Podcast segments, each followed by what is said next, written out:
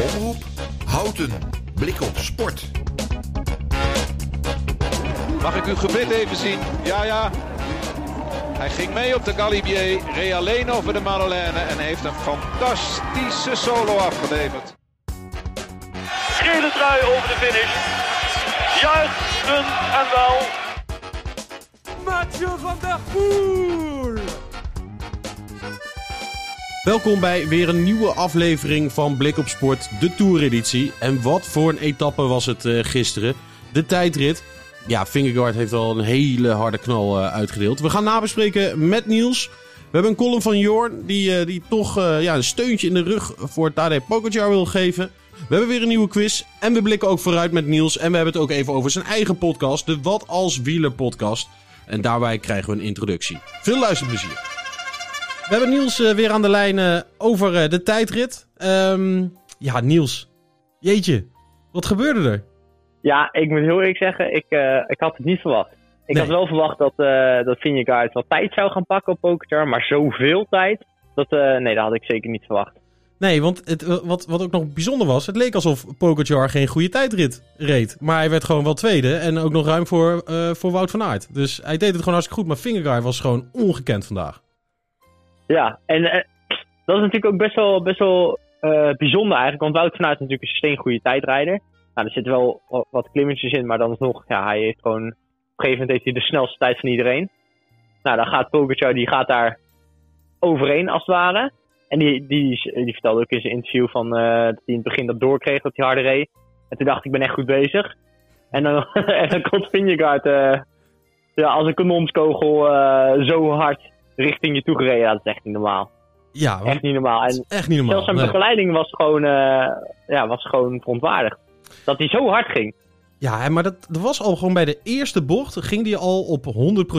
Het was gewoon, dat, hij, ging, hij ging meteen ja. volle bak.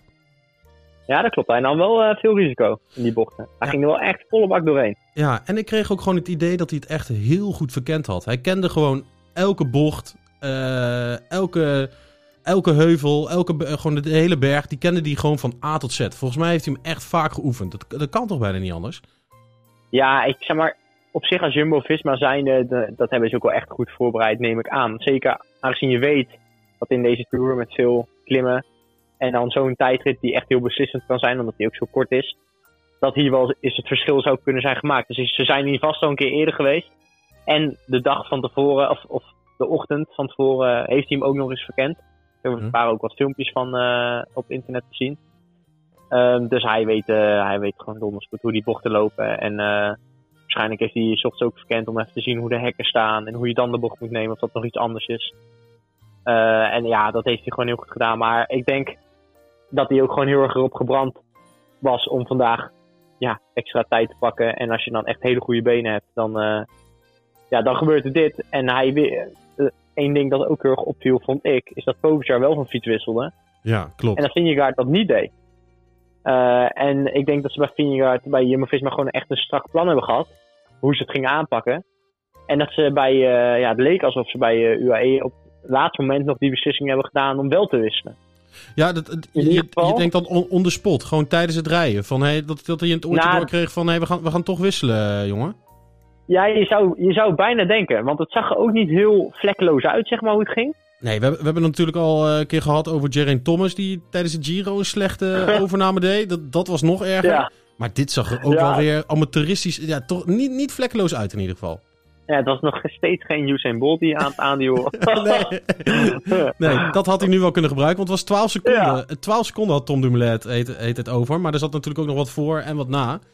Maar dat, ja. is, dat is toch hartstikke veel?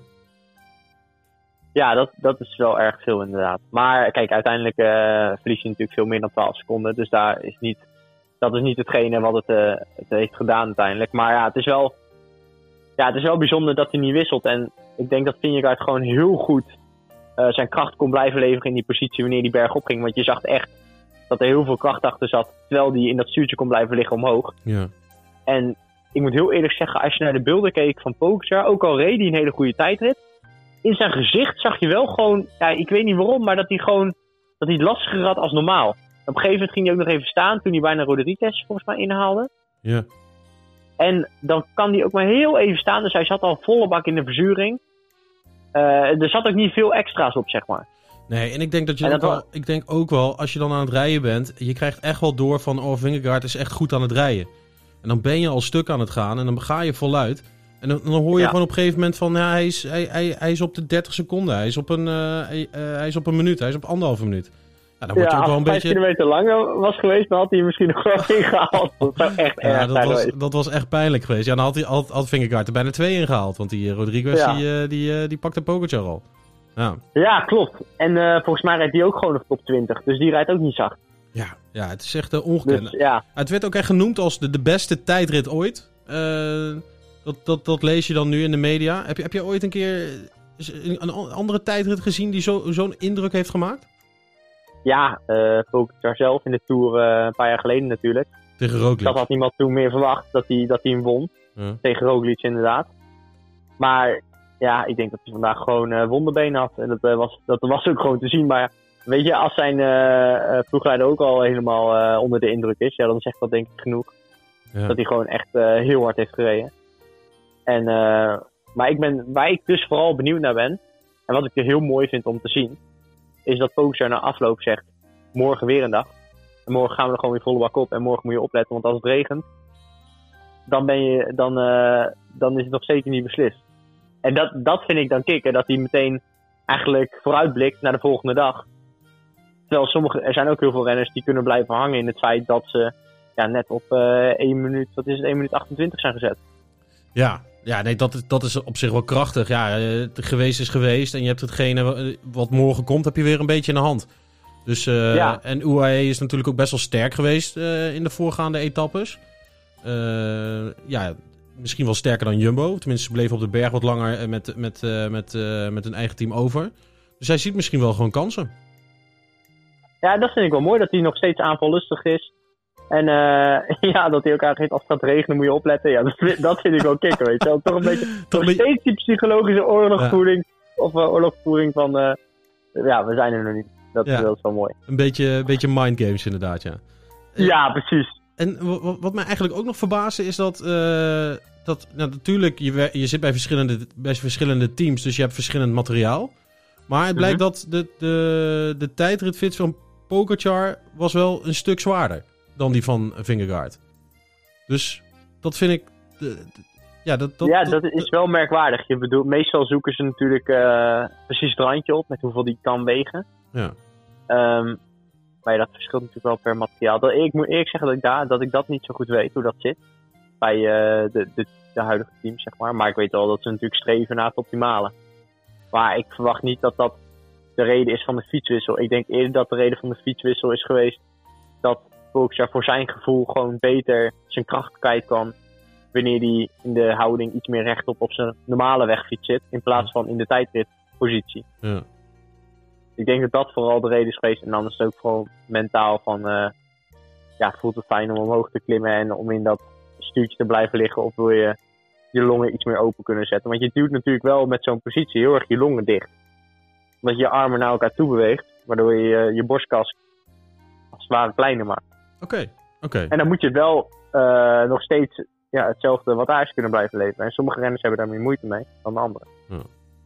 Oké, interessant. Dus ja, dat speelt ook nog allemaal mee natuurlijk. ja, inderdaad. Maar even, even iets anders. ja. Eh, DSM, ik weet niet wat ze daar aan het doen waren. ja, die, die, vielen gewoon, eh, die vielen gewoon neer bij de eerste bocht eh, twee of drie keer. Hoe, hoe, Ja, nou, ja, er er wielen twee renners. En dan, je zou bijna denken dat het aan de banden ligt. Want ze gleden allebei met achterwiel weg. Ja. Volgens mij was het Niels Eekhoff en... Die andere was denk ik de sprinters en Welsford, maar dat weet ik niet zeker. Ja. Ehm, maar er waren er ook twee te laat voor de start. ja. En dat is helemaal merkwaardig. He- Heb je, heb je dat zelf ooit een keer meegemaakt, eh, Niels? Of een keer een teamgenoot die dat, eh, die dat had? Eh, ik heb het wel een keer meegemaakt dat iemand te laat is voor de start. Maar dan praat je over, over een districtskampioenschap tijdrijden. En dat is toch wel echt... Ik- bedoel, kom op jongens, het is de Tour. Ja, ja dat is best wel Kijk, we gek. zijn allemaal menselijk. Maar eh, als renner zelf hou je natuurlijk de tijd in de gaten wanneer je van de tijd... Want het is natuurlijk wel zo, voor een tijdrit gaan ze infietsen. En je wil eigenlijk zo lang mogelijk warm fietsen. En zo snel mogelijk naar de start toe, zodat je warm start. Want Ja. die tussentijd wil je zo kort mogelijk houden. Maar goed, Hè, je hebt een tijdschemaatje, wanneer je eet, wanneer je op de rollen gaat, wanneer je eraf gaat. Eh, ja. En dan, en dan in de Tour, hè, je hebt nog een, een ploegleider die achter je zit met de auto. Die weet ook wanneer je moet gaan starten. Ja, Ja, heel merkwaardig dat ze, daar, dat ze daar te laat komen. Kijk, het gaat er voor hun op dit moment natuurlijk niet om. Ik bedoel, Sam wel, wel voor het, is een sprinter. Dus die gaat de tijdrit niet winnen. Maar ja, je, je moet gewoon op tijd starten natuurlijk. Nou ja, het, het lijkt mij vooral dat een teammanager of eh, een ploegleider daar toch ook gewoon bovenop zit. Ja, dat, het dat beetje- lijkt mij ook. Ja. Ja dat, is, Dat lijkt mij ook. het is echt wel, wel heel gek. Maar ik hoorde ook al wel mensen zeggen, Wout Poels, die natuurlijk prachtig won, eh, het zei van, Mhm. ja, ik heb eigenlijk een beetje twee rustdagen. Dus, eh, Ja, omdat ze het gewoon... Nee, dat, dat klopt natuurlijk wel. Maar ze moeten natuurlijk wel binnen de tijdslimiet binnenkomen. Ja, Eh, en hoe sneller de, de in nummer 1 rijdt, hoe eh, korter de tijdslimiet is. En er was volgens mij vandaag zelfs één renner die precies op de tijdslimiet is binnengekomen. En anders ben je gewoon uit de Tour. Dan word je gewoon letterlijk door Vingegaard uit de Tour gereden. Ja. En dan, dan baal je hard, hè? Ja, dus ze hebben, wel, ze hebben wel een beetje een rustdag. Maar ze moeten alsnog wel doorrijden hoor. Dus het is echt niet dat ze aan het uitfietsen zijn. Nee, nee, nee, nee. Dat, dat, eh, dat lijkt me ook niet inderdaad. En wat ik ook heel erg leuk vond, was die eh Chicone. Die ging Mhm. volle bak op die berg. En die heeft, het, die heeft hem ook uiteindelijk sneller gereden dan Vingegaard. Dat vond ik heel Ja, leuk voor om te de zien. bergpunten denk ik was dat. eh, Ja, voor de bergpunten. Die, die, die Ja. natuurlijk, of ja, die, die had de bolletjestrui aan. Volgens mij is die wel voor Vingegaard op dit moment. Ja, hij is nog een Vingegaard met een gele trui, staat natuurlijk hoger. Ja, maar die, eh, Ja. maar die gaat natuurlijk de komende dagen natuurlijk vol voor die, voor die bolletjestrui. Dus ik vond het wel Ja. mooi dat hij dat die vol, eh, vol erbovenop eh ging. Ja, dat is wel mooi om te zien inderdaad. Dat, Ja. die, die heeft natuurlijk wat rustiger aangereden het eerste stuk en daarna is hij volle bak omhoog gevlamd. We gaan door met de column van Jorn. De stuipen op het lijf. Gisteren was de dag van het tijdritduel. De enige van de hele ronde. Slechts 22 kilometer chrono in drie weken tour. En ook nog eens met een flink stuk bergop. Pech voor de tijdritkanonnen, maar koren op de molen van de alleskunners. Het verschil in het klassement was slechts 11 seconden in het voorsprong van Vingegaard, die dus in de gele trui als laatste renner vertrok van een startschavot. De Deen ontpopte zich tot buitenaards wezen, won de tijdrit en trad daarmee in de voetsporen van Greg LeMond. Hoewel die zelfs van een achterstand in het klassement moest terugkomen. Mijn fantasie slaat op hol en ik duik op in een trip to memory lane. Ik werd wakker in 1989, de 21ste etappe. G-sprintduel op de Champs-Élysées, maar een heuse tijdrit van Versailles naar Parijs. 24,5 kilometer in je uppie op je fiets. Zo hard trappen als je kan. Dat was enige tegenstander de klok. Nou ja, en die rivaal natuurlijk. Fignon, in het geel, met 50 seconden voorsprong. De winnaar werd Le Monde, die rondfietste met maar liefst 25 kogels in zijn lichaam. Het was 21 april 1987 en tijdens de jacht op kalkoenen werd de toerwinnaar geraakt door een groot aantal lode kogels, pronkelijk afgevuurd door zijn zwager. Tijdens de operatie werden de meeste kogeltjes uit zijn lichaam verwijderd. Toch gaf de arts na afloop aan dat er naar schatting nog zo'n 25 kogels in de mond zijn lichaam waren achtergebleven. Greg LeMond herstelde vrij snel en na vier maanden maakte hij zijn comeback. Toen had niemand kunnen bedenken dat hij later nog twee maal de Tour de France zou winnen. Hoeveel duels zouden de huidige twee campanen nog uitvechten? En zou Pogacar terugkeren om de Tour volgend jaar te winnen? Ik hoop stiekem op een scenario waarbij hij dit jaar nog om weet te buigen. Hup, Tadej!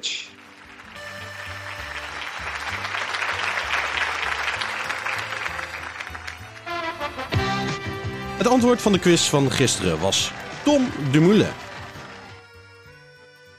En dan gaan we door met een nieuwe quiz. Hij werd prof in 2001, reed 11 keer de Tour de France, won daarbij 8 etappes, maar gaf de laatste 4 keer dat hij meedeed, gaf hij op. Hij reed voor de ploegen Mappij Quickstep, Fassa Bortolo, Team CSC, Team Saxo Bank en eindigde zijn carrière bij Trek.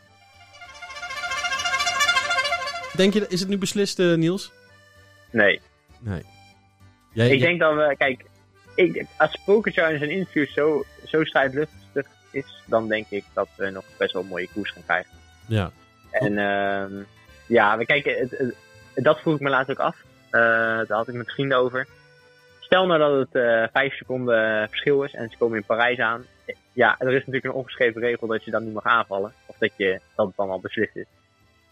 Maar ik ben zo benieuwd of dat er dan ooit nog wat zou gebeuren. dat lijkt me zo spectaculair. Ja, dan vol, eh, vol demareren op de Champs-Élysées. Dat zou wel, eh, dat zou wel een mooie bak zijn. Ja. Ja, ja, en dan de sprinters eigenlijk een sprintkans opnemen. Maar ja. ik denk niet dat het zo ver gaat komen. ik denk Ja. eerst dat die rit in de Vogezen ook nog wel heel veel eh, indruk moet gaan eh, maken. En we hebben nog veel meer klimritten die nog aankomen. Ja, zeker. Eigenlijk, eh, eigenlijk meteen morgen al. Hè. De, twee van de eerste categorie, één van de tweede. En dan eh, eindigen op de Col la- eh, Col de la Loze. Ja, de Eh, dag van de, van de Tour de France. Ja, ja, ja. 28,6 kilometer aan 6% Dus het wordt ook echt een hele lange klim. Ja. En ze zeggen dat uh, Vingegaard hier beter in is. Hè? Boven, eh, ja, boven de Ja, dat was... zeg maar. Dat, dat heeft Pogacar een keer in een podcast gezegd, volgens mij. Dat hij, eh, dat hij bij lange klims of eh, heel hoog, dat hij daar wat meer moeite mee heeft. Dus, Ja. eh, maar dan ben je eigenlijk een beetje tegenstrijdig. Dan gaat Vingegaard morgen pakken, maar dan komt Pogacar nog een keer later terug, eh, Niels. Ja, ik, eh, kijk, Pogacar zegt als het morgen regent, dan, kan ik, dan moet hij op gaan letten. Dus ik hoop dat het regent. En ja, weet je, ik hoop gewoon om morgen weer hele mooie koers te zien krijgen. En ik ben benieuwd als we ja, de Col de opgaan. Ja, of dat het dan al gebeurd is, of niet. Of dat daar echt de finale ontbrandt van de etappe. Want de, de, de renners hebben het natuurlijk al heel zwaar gehad. Dus dat misschien een kopgroep gaan lopen. Dat verwacht ik wel, een groot ook. Ja. En die kan voor de overwinning gaan strijden. Eh, en dat er in de achtergrond dan op de Col de la Loze ja, de beslissing gaat vallen voor eh, wie er als eerste boven komt van de klassementsrenners. ja, dat daar, daar losbrandt. ja, en UAE moet het nu een beetje hard gaan maken. Ik denk dat Vingegaard gewoon lekker gaat kijken wat Pogacar gaat doen. Gewoon wachten tot, totdat hij aanzet. Tenminste, tot aan de berg gaat, gaat Jumbo gewoon eh, lekker vooruit rijden. Eh, maar op de berg verwacht ik gewoon eh, dat UAE met, een, met een verrassing komt.